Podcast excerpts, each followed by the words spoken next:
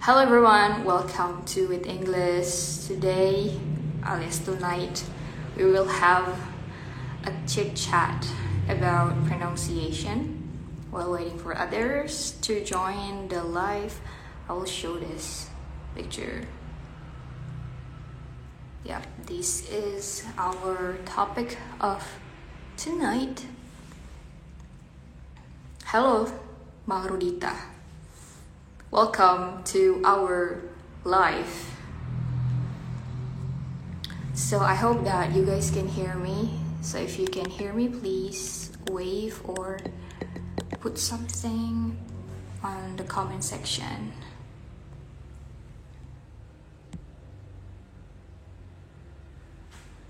Hello, Niswa Dai Joyce. I don't know how to pronounce your username. I'm so sorry. But welcome to the live. We will start when there are more people joining the live.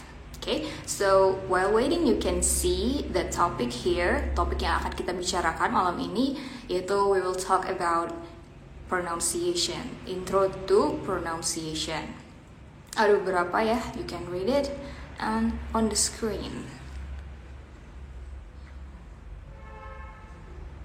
Hello, Krishna, Yofi, Dustin, and Dende. Welcome to the live.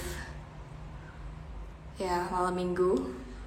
It's the best night to actually learn something new, right? Nah, hari ini kita bakalan bahas pronunciation. Jadi ada beberapa topik yang akan kita bahas ini ada lima ya, termasuk games. So, yeah, please stay. Nah, uh, I think we can start now. So we'll talk about kita akan bicarakan tentang ini ya pronunciation malam ini.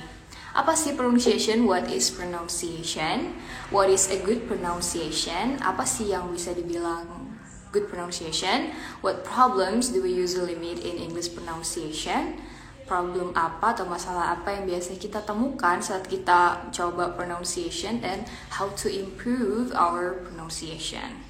Nanti di akhir juga bakal ada games yang bakalan seru banget tentunya. Oke, okay? so langsung aja kita mulai dari what is pronunciation. Oke, okay?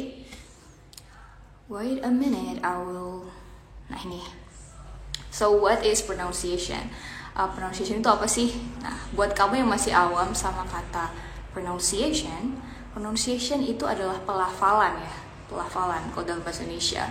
It's the way in which we make the sound of words. Nah, pelafalan itu tentunya semua bahasa punya ya. Bahasa Indonesia, bahasa Indonesia pun punya gitu pronunciation. Uh, bahasa Prancis, bahasa Spanyol, dan ya, tentunya kita fokusnya hari ini English. So, gimana sih sebenarnya cara melafalkan kata? We use our mouth, mouth, tongue, lips, ya, yeah, and sometimes teeth untuk mengontrol suara yang kita buat. Jadi suara itu uh, keluar dari udara yang keluar dari tenggorokan kita, terus kita ngubahnya itu dengan ini pergerakan bibir, pergerakan lidah dan mulut ya. Oke, okay. Nah itu dia pronunciation. If you have any questions, you can write down on the comment section. Oke, okay, karena tidak ada pertanyaan untuk sejauh ini kita akan lanjut ke um, what is a good pronunciation.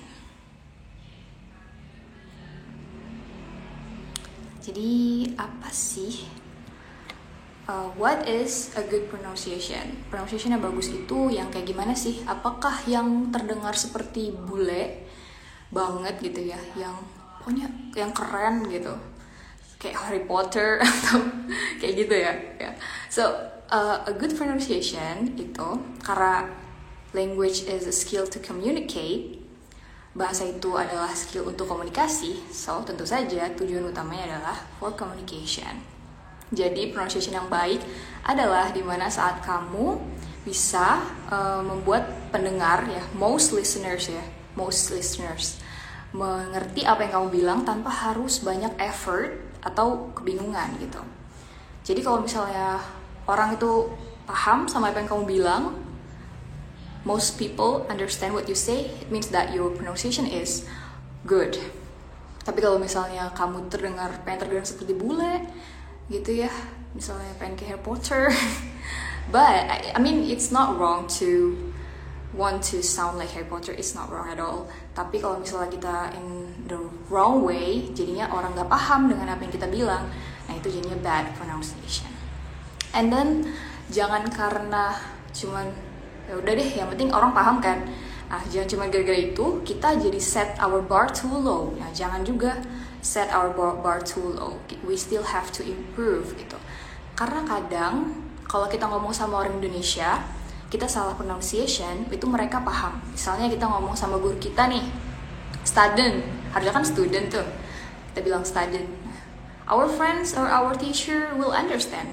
Kalau itu tuh maksudnya student eh eh student gitu ya murid. Tapi saat kita ngomong ke orang luar mungkin mereka bakal bingung apa sih maksud kita gitu so make sure that we're not uh, making it up jangan terlalu kayak dibuat-buat dan jangan terlalu set our bar too low ya yeah. oke okay. nah, terus kita akan lanjut ke fluency and accuracy kalau misalnya kalian ada pertanyaan bisa langsung tulis aja di kolom komentar ya yeah. alright nah fluency and accuracy itu sangat erat kaitannya dengan pronunciation uh, I will tell you a little bit about what is fluency and what is accuracy. Fluency itu adalah di mana saat kita tuh bisa speaking dengan smooth ya, smooth like butter dan easily. Oke. Okay. Nah, karena ajan kita bakalan pause for about 5 minutes. I want you all to keep um, staying in this life ya uh, until the azan is end. Thank you.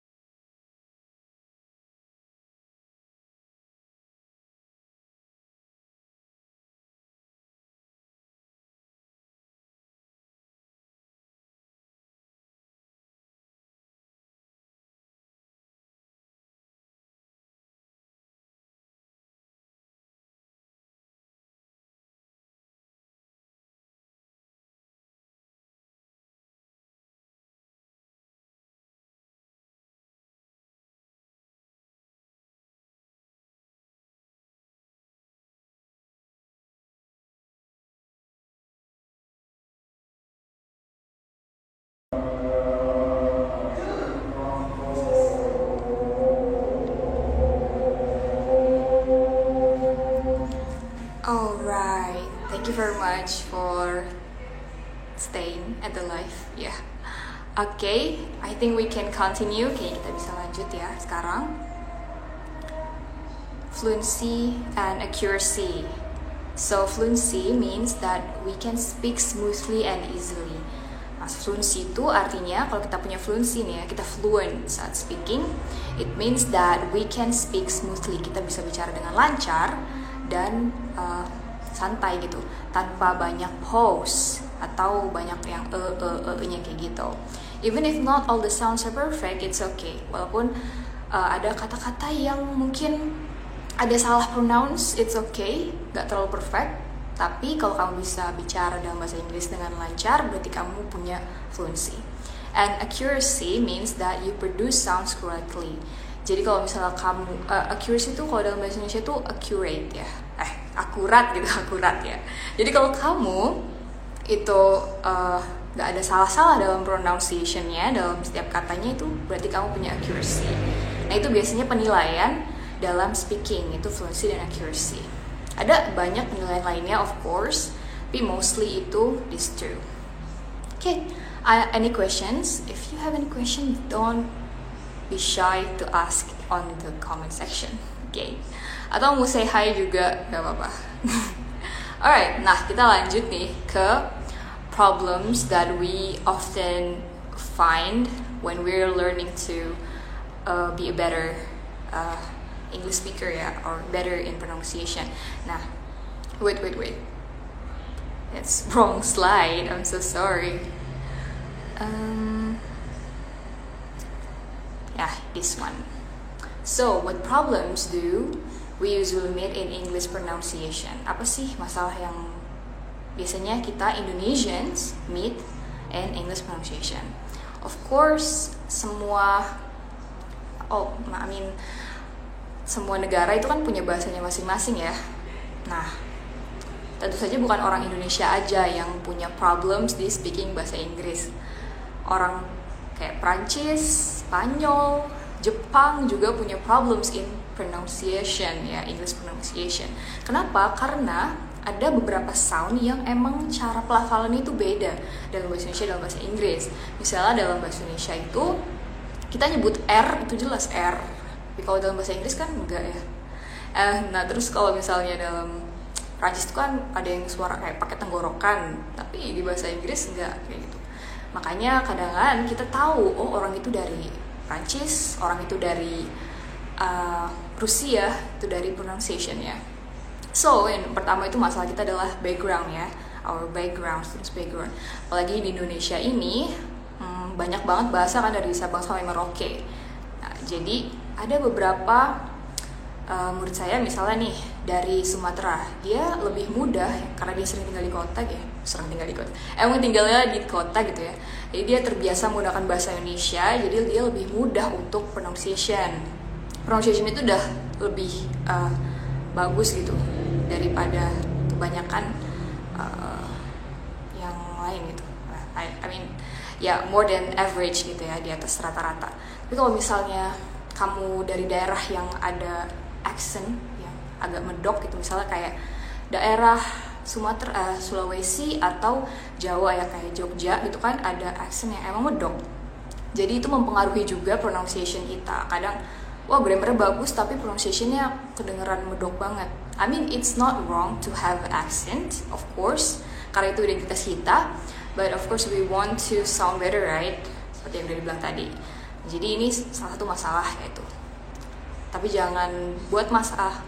Kenapa kita tahu masalah supaya kita tahu how to solve it, oke? Okay? Next, motivation. Motivation itu ada yang dari dalam dan dari luar. Uh, do you have any motivation to learn English? Kamu punya motiva motivasi nggak untuk belajar bahasa Inggris? Kalau dari luar itu misalnya pengen punya pacar bule atau kalau pengen punya temen bule gitu ya. Uh, atau misal teman kamu ada yang pinter banget bahasa Inggris terus kamu pengen bisa juga ngomong kayak gitu. Pengen bisa bergaul dengan dia gitu. Dan pakai bahasa Inggrisnya itu motivasi yang dari luar. Kalau motivasi dari dalam itu motivasi dari dalam kamu sendiri. Pengen uh, bisa bahasa Inggris pengen bisa pronunciation yang bagus karena misal kamu pengen kuliah di luar negeri atau ngambil kelas internasional. Nah so the problem is kamu punya motivasi atau enggak. If you don't have any motivation then you have to set your motivation from now on. And then personality. Personality itu secara general ada dua ya introvert dan extrovert mungkin uh, karena pronunciation itu bagian dari speaking kita berpikir kalau oh orang introvert itu pasti jelek pronunciationnya. Karena dia jarang karena dia malu kan buat ngomong gitu. Atau orang extrovert itu pasti bagus pronunciationnya karena dia berani ngomong berani just cheese juice gitu. Well actually it's not wrong but it's not right either. Kayak bisa semua orang itu bisa belajar bahasa Inggris semua orang bisa belajar pronunciation nggak terpengaruh dengan ide uh, I mean nggak terpengaruh dengan personalitinya sih ya. Kadang pers uh, personality orang yang introvert itu eh I mean kita yang extrovert dulu ya. Uh, karena dia itu berani ya confident pede untuk ngomong bahasa Inggris. Dia cap cis cap cis cap cip cup eh cas cis cus aja gitu. Tanpa berpikir tanpa berpikir panjang gitu. Ya not careful with what he or she says. Jadi ya salah pronunciationnya gitu misalnya. Atau yang introvert itu dia nggak berani ngomong depan umum tapi ternyata dia careful. Jadi dia banyak latihan sendiri dan ngecek pronunciationnya satu-satu jadi dia punya pronunciation lebih baik. So uh, personality sebenarnya nggak harus jadi masalah sih. Tapi make sure jangan gara-gara kamu itu extrovert jadi banyak ngomong tapi nggak tahu kalau itu tuh salah atau benar. Dan kalau kamu introvert juga jangan malu untuk praktek ya. Oke okay. and then amount of quality eh, amount and quality of teaching and learning. Nah mau itu jumlah dan quality itu kualitas ya uh, jumlah kita belajar nah seberapa banyak kita belajar dan bagaimana sih kualitas belajar kita juga mempengaruhi uh, pronunciation kita. Kalau kita uh, karena dari um, gini ya saat kamu di sekolah itu gurunya memperhatikan atau tidak tentang pronunciation kamu. Karena kan kelas itu biasanya besar. It's gonna be hard to handle a lot of students at one time gitu kan. Jadi it's gonna be hard juga gitu untuk mengimprove pronunciation murid satu persatu. Jadi so ya yeah, kau bisa belajar di luar kelas juga. Karena di kelas kan misal bahasa Inggris itu cuman sebulan seminggu sekali ya seminggu sekali kira-kira bakalan improve nggak kalau belajarnya cuma seminggu sekali dan cuma sejam? Itu oke? Okay? dan fossilization itu adalah kesalahan yang sudah mendarah daging gitu. Kita tahu ah kita tuh udah tahu kata itu dari dulu sampai sekarang kita pakai kata itu terus dan itu salah gitu. Walaupun kita tahu itu salah kadang kita nggak sengaja ngomong karena itu sudah mendarah dagingnya it's really hard to change actually fossilization salah nih ada murid saya yang baca since itu bacanya science. Gitu mungkin dia ngambil dari kata uh, hypercorrection ya. Misalnya dia fine itu kan bacanya I fine. Jadi dia mikir oh kalau since itu berarti bacanya science dong. Jadi dia bilang since itu science lalu science. Nah I try to correct her itu memberitahu kalau since itu bacanya since bukan science. Nah saat itu dia oh dia langsung oh gitu ya. Dia bakalan belajar gitu. Oh kalau dia itu salah. Tapi uh, saat dia mengatakan lagi oh when she speaks again saat dia coba untuk speaking lagi gitu buat kalimat baru pakai kata since juga dia masih salah lagi. Ngomongnya masih science. Sampai kedua sampai ketiga bahkan sampai besoknya juga masih kadang salah. Nah it's really hard jadi to change what's already inside us yang udah fossilization itu. Jadi caranya uh, tentu saja prevent ya prevention itu paling bagus. Jadi menghindari lebih bagus daripada mengobati. Jadi kalau bisa dari kecil kita itu belajarnya sudah yang benar. Banyak mendengarkan uh, native speaker gitu ya. Karena native speaker itu contoh yang paling bagus sebenarnya. From songs or movies podcast something like that nah hypercorrection seperti yang udah saya bilang tadi hypercorrection ini kayak menggunakan semua rule ya mengaplikasikan semua rule dan bahasa Inggris tuh uh, ke semua kata gitu. Misalnya kalau kayak tadi kan katanya fine berarti I. Jadi yang i itu dibacanya I. Dia semuanya diganti jadi I. Nah itu hypercorrection and it's wrong. Oke okay? so let's move on. Eh tapi ada question ya beberapa question. Aku suka kalau dengan orang ngomong kagak artian T pasti agak tarik jadi agak S kagak akhiran T pasti agak tarik jadi agak S misalnya gimana tuh? Contoh katanya apa? Confused kagak motion akhiran ed soalnya kadang jadi i kadang t. Ya. Yeah. kalau yang irregular verb itu juga sering banyak sih problem ya for students Indonesia students misalnya dia lagi belajar tentang past tense nih kan pakai verb 2 yang kalau yang regular verb itu kan misalnya I cleaned. Nah dia tuh bacanya cleaned ya kan? Uh, ada beberapa kata yang belakangnya itu udah juga ada yang beberapa kata yang belakangnya itu it. Nah kalau yang katanya itu belakangnya t atau d kita bacanya it. Misalnya start. Start kan belakangnya tuh t ya jadi kita bacanya itu started it ya started. Kalau misalnya belakangnya selain t sama d kita bacanya itu kayak deh aja mantulin deh salah clean kan n tuh ininya cleaned. Ada pantulan deh gitu cleaned. Nah kalau misalnya lagi contoh lainnya ya. Hmm, book book misalnya membooking gitu ya booked kayak gitu. Ini bukan buket atau bukit ya bukan yep. Misalkan kayak kata elephant cat bat next agak ditarik jadi ada s sama h nya elephant gitu ya. Cat bat next. Next itu kayaknya tehnya nggak dibaca. Next. Next dibaca dikit ya. Agak ditarik jadi s sama oh iya iya iya. Sebenarnya bukan s sama h sih. Sebenarnya emang teh dalam bahasa Inggris suaranya kayak gitu. Cat gini. Dia itu udah kayak pantulan teh di belakang cara soundingnya adalah meletakkan lidah kita di belakang gigi atas. Kayak gitu misalnya cat elephant. Nah itu juga uh, di akhir itu nggak selalu kita pronounce ya. Misalnya the elephant kalau kita cuma ngomong satu kata misalnya the elephant. Nah kita bisa sounding the teh yang di belakang itu dengan jelas the elephant. Tapi kalau misalnya dia satu kata panjang gitu ya apalagi kalau ketemu teh juga misalnya the elephant took my money. Apa sih? The elephant took my food misalnya. The elephant the elephant took my food. Kita soundingnya cuma yang di tooknya aja. Jangan the elephant took my food. Nah itu yang terlalu berlebihan. So it's wrong. Jadi harusnya the elephant took my food. Kita sound yang keduanya aja so ada tips nggak untuk ngehafal kosakata yang punya silent pronunciation? Kadang lupa kalau ada silab tertentu itu silent. Um, kalau yang ini we have to listen a lot ya. Kalau nggak hafal itu menurut saya kurang kurang efektif ya kalau bisa jangan dihafalin tapi dipraktekin aja. Soalnya kayak salmon itu kan salmon bacanya salmon ya Terus apa lagi ya yang ls sound yang kayak silent pronunciation itu banyak banget. Jadi kalau kamu mau ngafalin wah it's gonna be very tiring kan? Pasti kalau ngafalin 10 kata hari ini besok 10 lagi. Hmm, do you think it's gonna be uh, effective? No. Jadi kamu coba gini aja. Cari tahu misalnya silent pronunciation hari ini L L L sound. Besoknya itu yang uh, sound atau g sound terus coba lihat patternnya biasanya itu sama gitu-gitu terus. Misalnya kayak gini ya g sound yang silent. Misalnya kayak tough itu kan tough keras ya tough.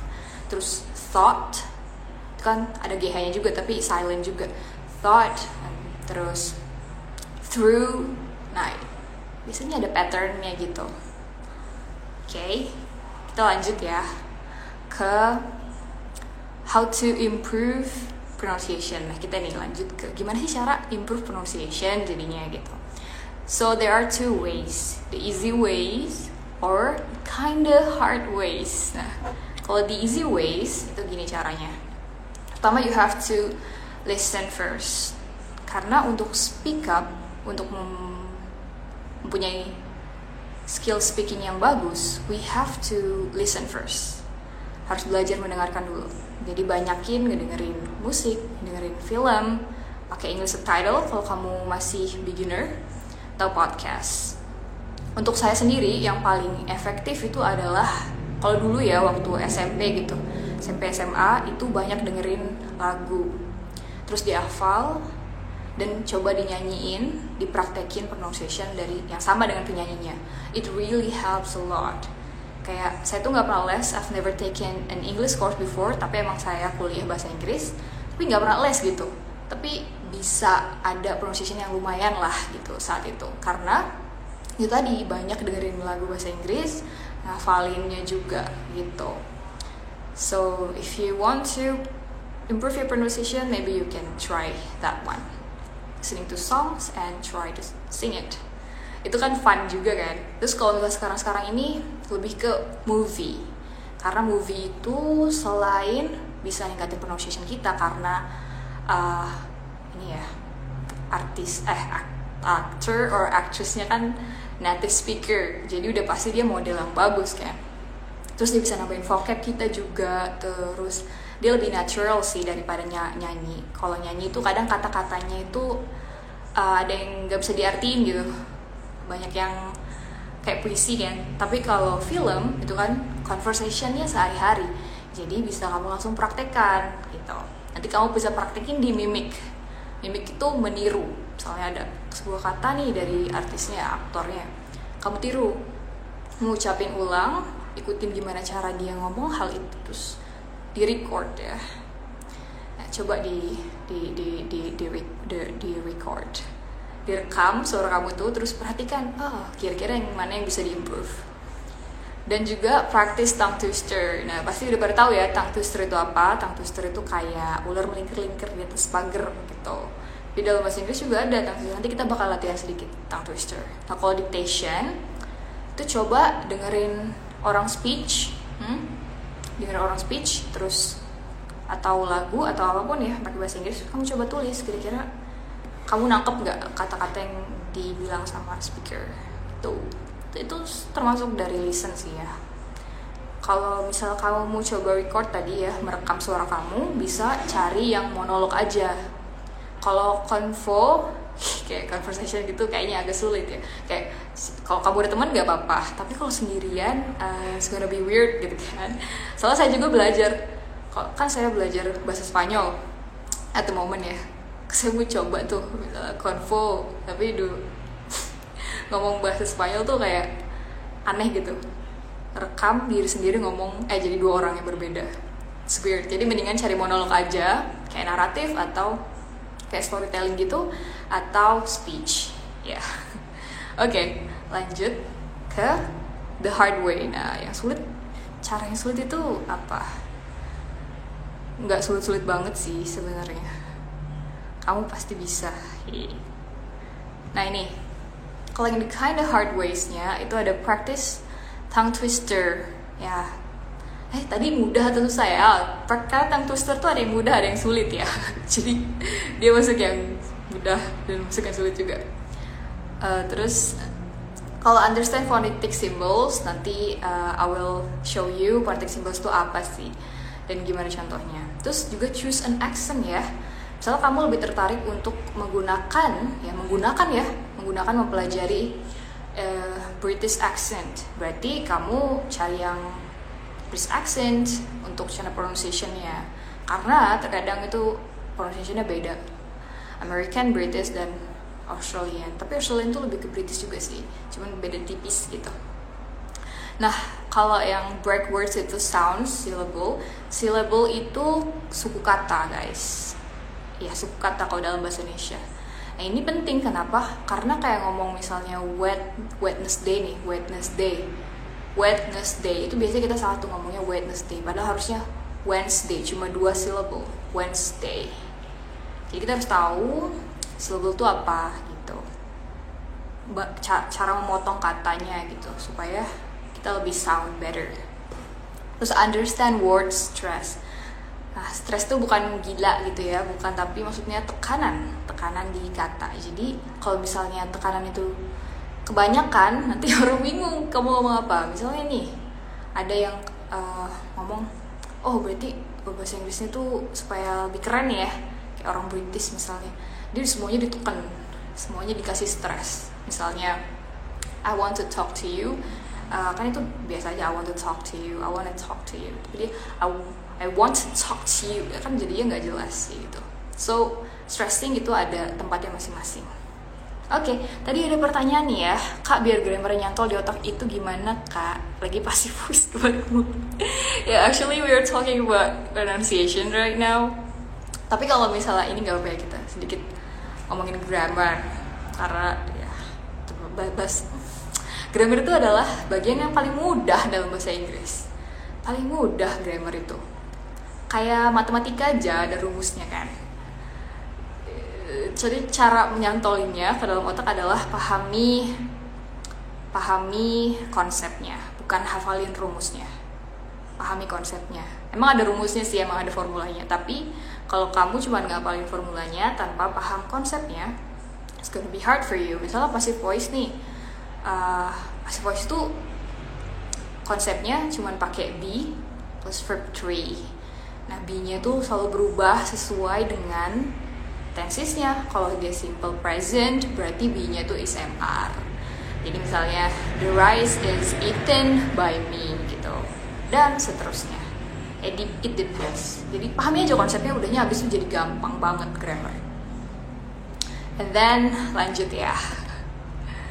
Kita ke bagian phonetic symbol uh, I have mentioned previously about phonetic symbol phonetic symbol itu sering uh, muncul di kamus ya. Karena zaman dulu kan belum ada Google ya kayak sekarang. Terus kayak kamus digital yang bisa keluar suara. Dulu itu orang buat tahu pronunciation itu melihatnya di kamus. Jadi ada bantuan namanya phonetic symbols. Phonetic symbol ini kalau sekarang buat kalian I don't think it's uh, it's necessary ya. Kayaknya nggak harus tahu gitu. Cuman kalau kamu pengen improve terus kayak ah kayaknya aku bakalan gunain nih bakalan bakal bakal harus tahu banget gitu. Dan ya kamu bisa pelajari phonetic symbol. Nah fungsinya di sini kan aku ngenalin ke kalian. I introduce you uh, bagian-bagian dari pronunciation jadi kamu bisa explore lebih jauh sendiri. Nah di sini nih ada phonetic symbol ya. Ada konsonan ada uh, vowel and ada diphthong phonetic symbol itu gimana uh, apa ya fungsinya ya itu untuk membantu kita gimana sih cara pronounce a word. Misalnya nih uh, I will give you the example first. Yang bagian pertama aja ya. Yang atas paling atas itu itu i bacanya bukan i tapi i. Bener-bener sama kayak Indonesia i. I cuman kalau ada titik dua berarti dia panjang bacanya. I read contohnya. Terus ada lagi itu sebelahnya tuh i juga bacanya i. Jadi bukan a i tapi dia nggak panjang jadi sit contoh kalimat eh katanya. Terus ada sebelahnya tuh ada kayak u itu u bacanya. Bukan u ya bukan tapi u. Book. Terus ada tu u juga tapi ada dulu berarti panjang to nah yang sebelahnya itu i dan e. Kalau dalam bahasa Indonesia kita kan ada e ya cuman e doang e sama e E seperti E ember gitu ya atau E seperti emas. Nah kalau E di sini itu bentuknya kayak gini ya, kayak kebalik gitu, E yang kebalik. Itu bacanya tuh ear, here, here gitu, here, here. Ini diphthong karena ada dua gitu. Setelah sebelahnya itu ada A, A day.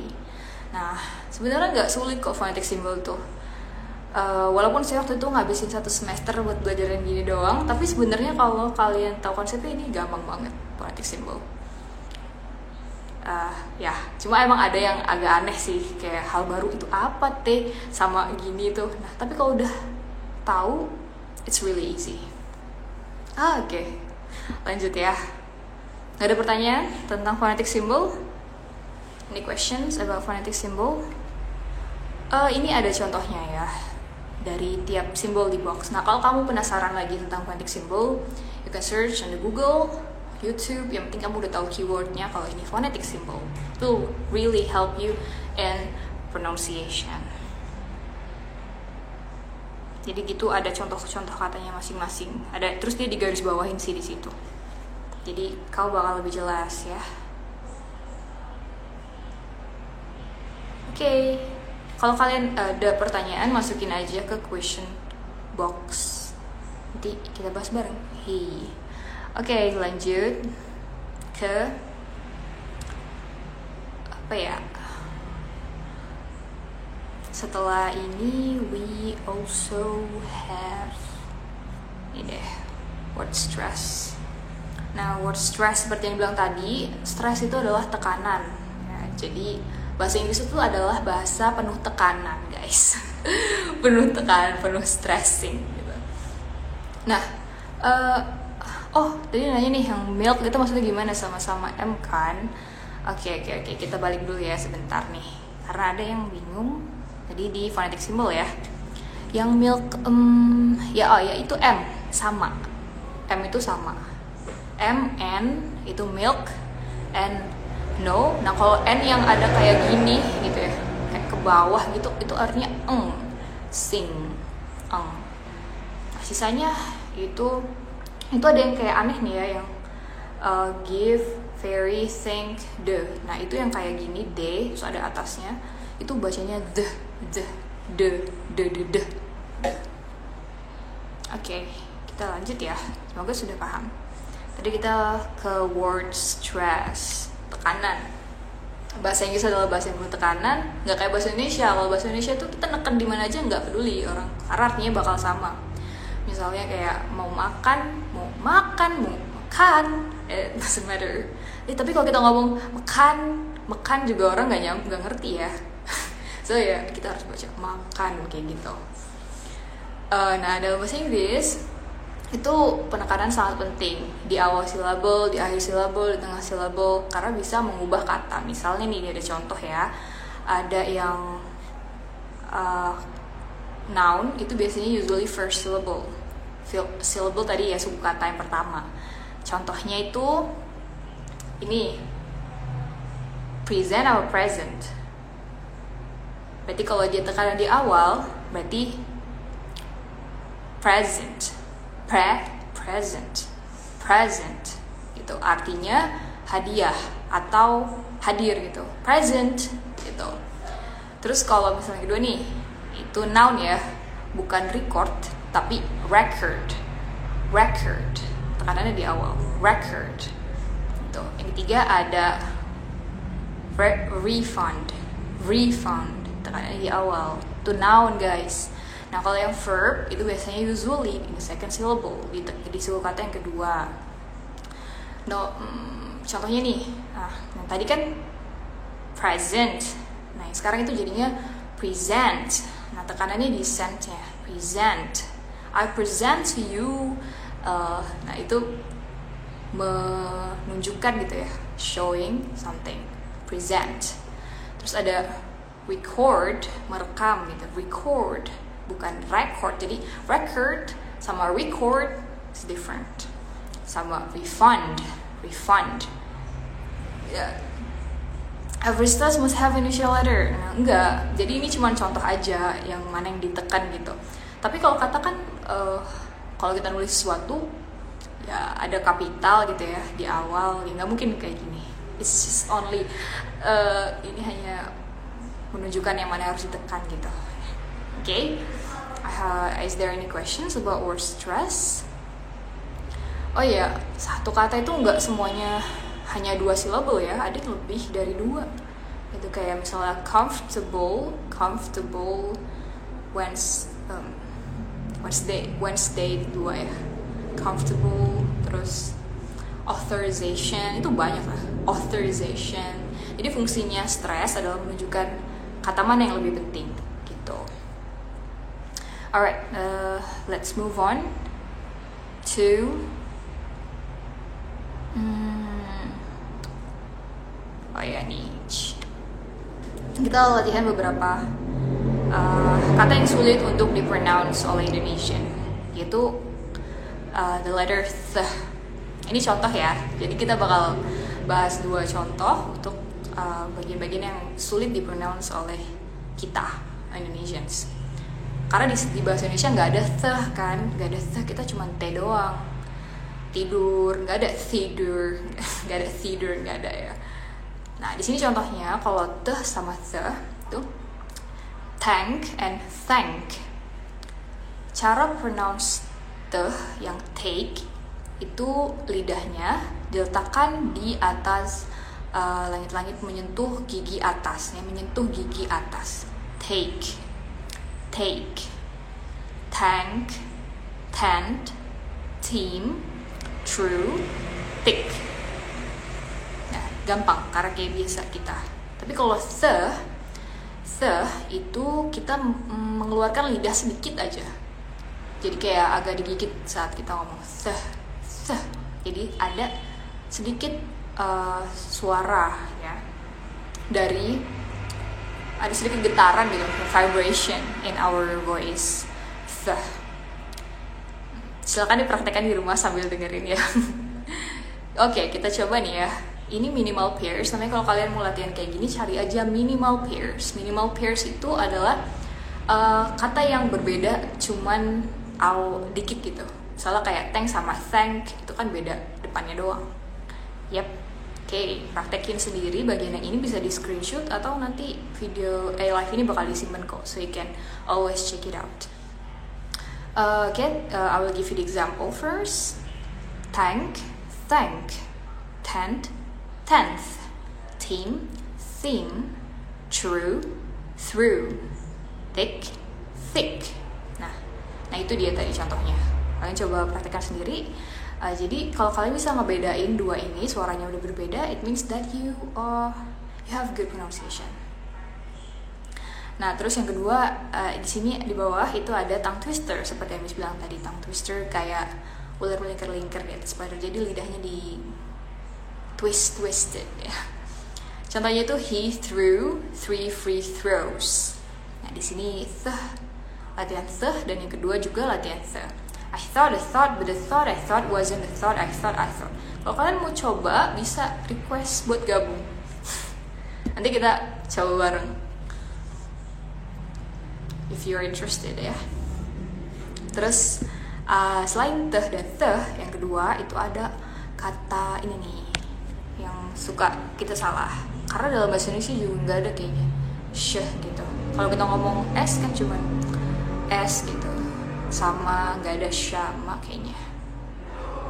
Kalau oh ya through juga sama pakai the through through. Tapi ini nggak semua yang th itu bacanya the ya. Ada yang bacanya de kayak brother mother father.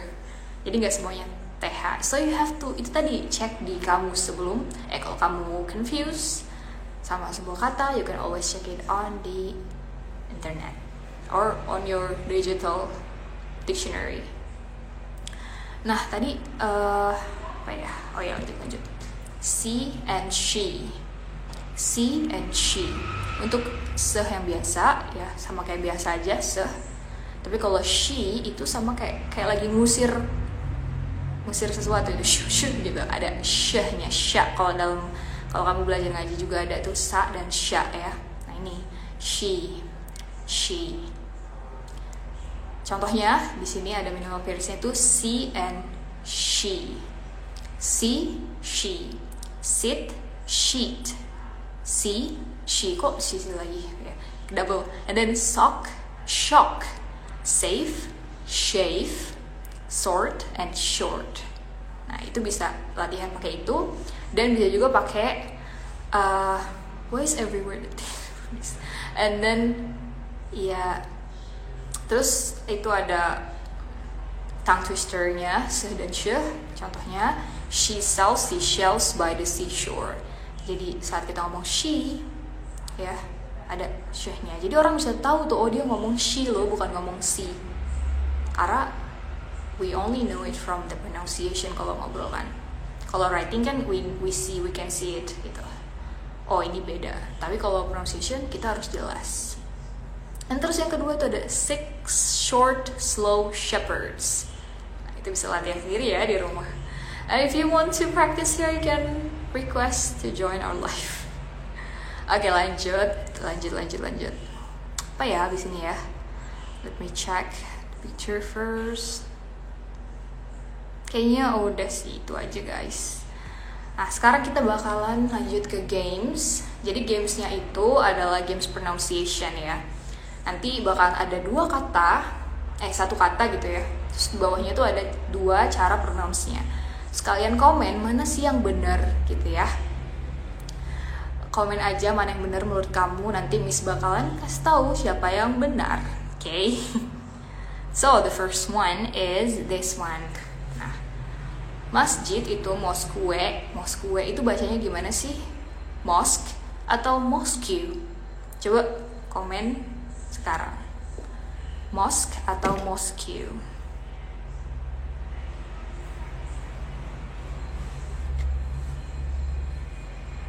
Okay, I will give you five seconds to answer. Mosque atau mosque? Mosque or mosque? Komen guys, yang pertama atau yang kedua? Tulis saja satu atau dua gitu kalau misalnya nggak mau nulis panjang-panjang. Mosque or mosque? Oke, kita sudah banyak nih komen yang masuk dan bilangnya kalau yang pertama yang benar yaitu mosque. Uh, ada juga yang bilang yang kedua mosque. Hmm, jadi yang benar yang mana ya? Mosque atau mosque? so, the correct one is the correct one is the first one. Mosque. Ya, jadi kalau kamu biasanya pronounce-nya mosque, it means you need to correct it. Gak apa-apa, kita sambil belajar ya. So, yeah, mosque is the correct one. Mosque. I want to go to the mosque. I always go to the mosque. Gitu. Okay, good job guys. Next, we'll move on to the second word is this one. Kalau ini apa nih? W O U L D itu verb to-nya dari will. Kira-kira bacanya itu wold atau would? Wold atau would? The first one or the second one? Ya, yeah. ini sering banget nih salah nih yang bagian ini. Kita kayaknya hampir 50% of us pronounce this word incorrectly. Ya, coba komen yang pertama atau yang kedua ya yang benar. The first one or the second one? Would atau would? Okay, time is up. So, yang benar adalah the correct one is the second one, would. Jadi ini seperti yang dibilang teman tadi tuh ada silent letternya ya. Jadi L-nya di sini itu nggak dibaca. O U itu jadi U aja. Jadi would.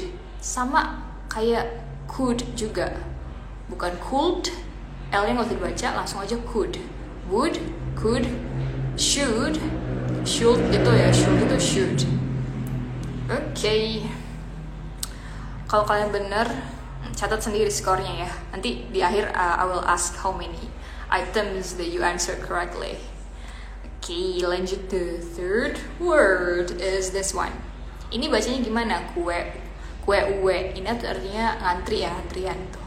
Kue uwe. Bacanya itu Q, Q, Q, Q, atau Q.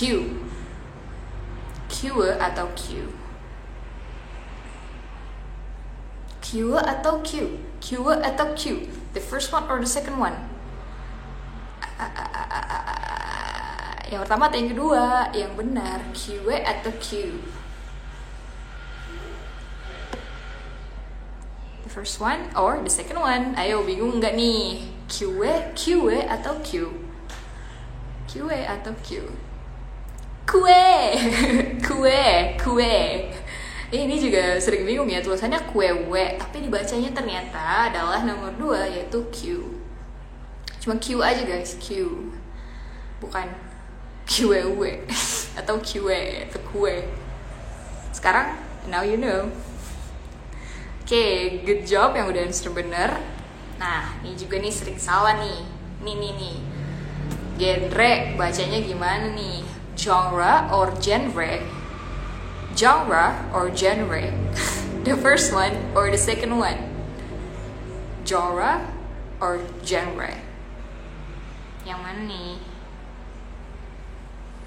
Ayo langsung jawab nomor satu atau nomor dua. Silakan, waktunya tinggal 5 detik lagi. okay.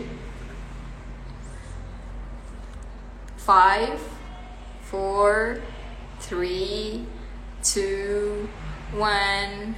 The first one or the second one. Ayo. Kalian biasanya pakai yang mana nih? The first one atau the second one? The genre or the genre of the movie or the genre of the movie? Ini ada yang ngomen ganja. Wibu.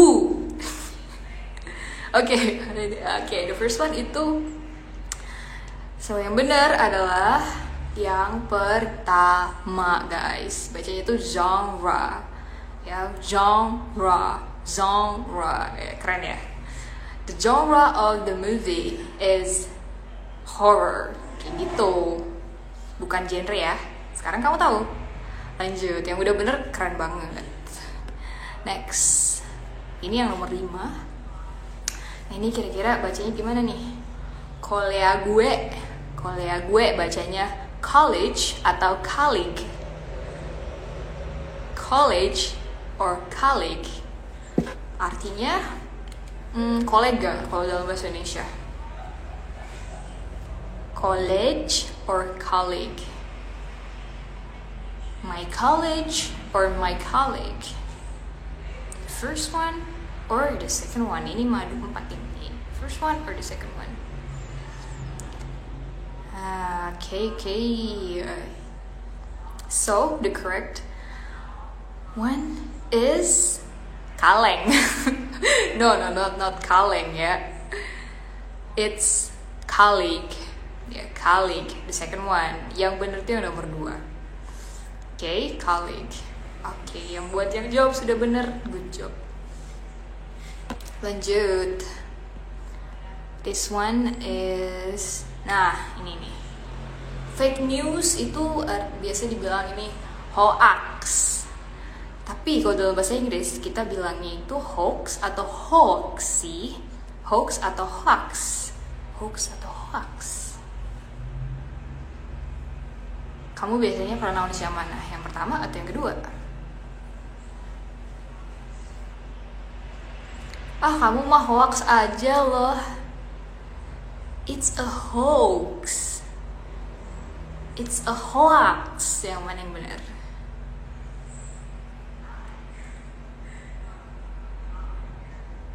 Yang per, eh yang per, yang pertama ya. Oke, okay, good job yang udah jawab yang pertama. Kayak buang dahak atau gimana? Mm, kayak ya kayak buang dahak ya. Hoax gitu. Ah hoax. Oh. Yeah the first one is the correct one.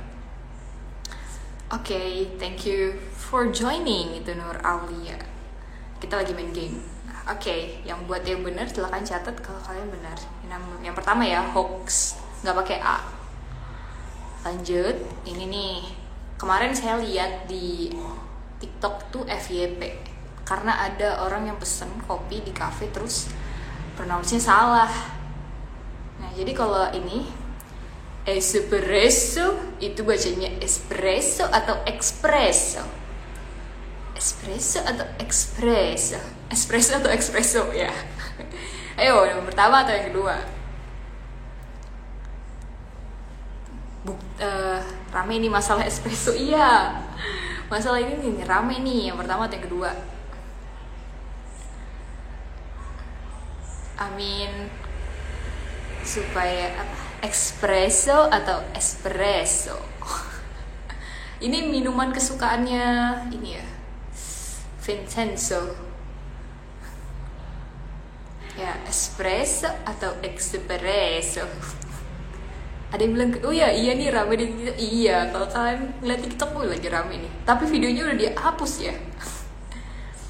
Oke oke okay, kita hitung sampai lima ya. Five eh hitung sampai lima. Hitung dari lima. Five four three two one.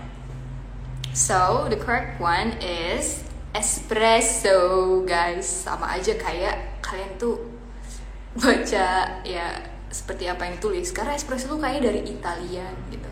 Yang borrow jadi orang Inggris tuh ngeborrow word espresso dari Italian dari Itali gitu ya. Jadi espresso bacanya.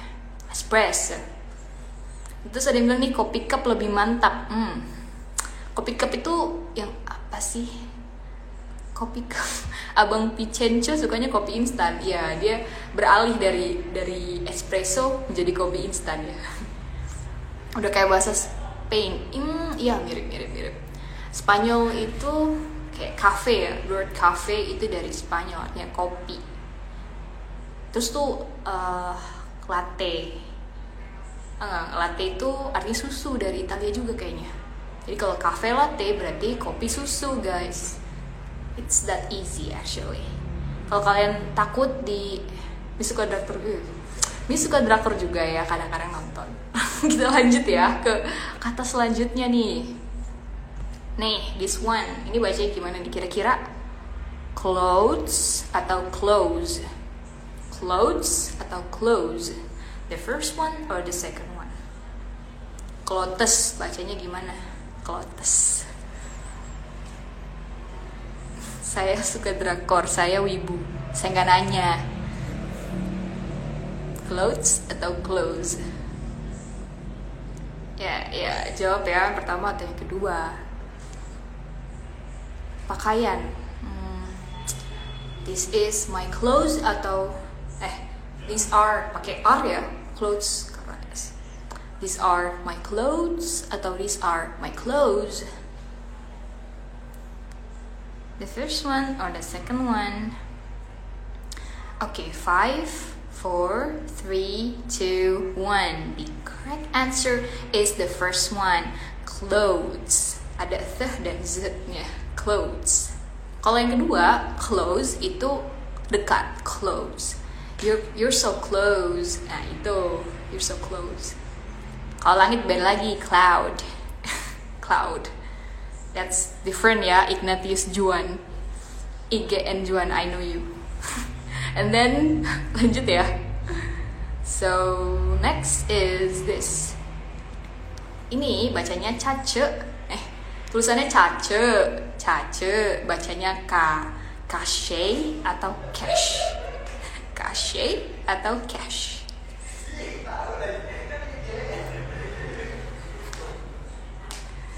Ka cash atau cash. Yang pertama atau yang kedua nih biasanya ini sering muncul kalau anak IT nih pasti sering lihat. Uh, kalau kalian buka komputer terus kelihatan tuh ada aduh hapus cacenya ya delete your cace eh itu bacanya itu bacanya cash atau cache. Ada yang bilang satu ada yang bilang dua. Menimbul apakah akan menimbulkan perdebatan menimbulkan perang dunia cache atau cash ya yeah, five four three two one iya jawabannya benar adalah cash yang kedua ya clear cash you're clear your cash bukan kece ya itu itu beda lagi kalau kece oke okay? So the correct one is the second one. Kalau kalian jawab yang itu berarti kalian benar. Kalian genius. Okay, and this one is gonna be the last one. Nah, ini bacanya athlete atau athlete. Atlet ya, atlet, atlet. Athlete atau athlete. Dua syllable atau tiga syllables two syllables or three syllables. Mbak kapan bahas verb? Uh, nanti ya di live live selanjutnya kita bakal bahas grammar, writing. Tungguin aja. Stay tuned. Oke. Okay. Oke, okay, langsung jawab yang pertama apa yang kedua? Athlete atau athlete? First or second? First or second? This is the this is the last one ya. Ini yang terakhir ini yang terakhir, ini yang terakhir. Kesempatan terakhir untuk menjawab benar. One or two. Second, the first. Uh, I don't know kalau kamu nggak tulis ini, nggak dikasih strip. Atlet pertama atau kedua? Oke, okay, five, four, three, two, one. The correct one is athlete cuman two syllables ya Athena itu beda lagi Athena itu uh, atlet mungkin diambil dari kata Athena ya dari bahasa Yunani atau bahasa Romawi? I don't know. Okay. so that's all for tonight's live. Coba komen kalian bener berapa dari uh, pronunciation game tadi. Kalau kalian benar semua uh, nanti bakal ada door prize dari uh, CEO with English. Nanti bakalan dapat door prize. Dapat espresso gratis ya kan traktir kopi. Ya coba komen kalian bener berapa dan kalian mau request apa lagi ya live selanjutnya? Mau tentang apa gitu? Tadi ada yang uh, request tentang verb ya. Verb itu mungkin masuknya ke grammar ya. Kalau kalian ada terus tulis oh Dendi suara bener tujuh. Lumayan. Nur Rohim bener, salah tiga betul enam kan ada sepuluh berarti kelewatan satu ya? Good job good job. Kira-kira pada salah yang mana sih? Dikata apa tadi? Yang salah. Ignatius Juan bener sembilan. Kayaknya salah sembilan deh. IGN Juan. Terus Janira salah satu. Wow keren banget. Udah udah pro nih. Terus Nopi juga ada cuma salah satu. Oke okay, so Oh Nur, oh iya tadi datangnya terlambat ya, nggak apa-apa. Datang lagi di live selanjutnya atau bisa nonton uh, live ini nanti bakal disimpan kok. Oke, okay. oke okay, so ya yeah, akhirnya kita sudah berada di ujung acara ini ya. Kita akan menutup live IG malam ini. Thank you very much for joining the live. Kalian keren banget. Semoga kalian mendapatkan sesuatu dari live hari kali ini, dapat serunya, dapat ilmunya juga. Dan jangan lupa lanjut-lanjut lagi, eh lanjut-lanjut lagi. Jangan lupa follow with English dan uh, stay tune buat acara-acara kita selanjutnya, with talk selanjutnya. Bye bye, I'll see you. Okay, see you guys.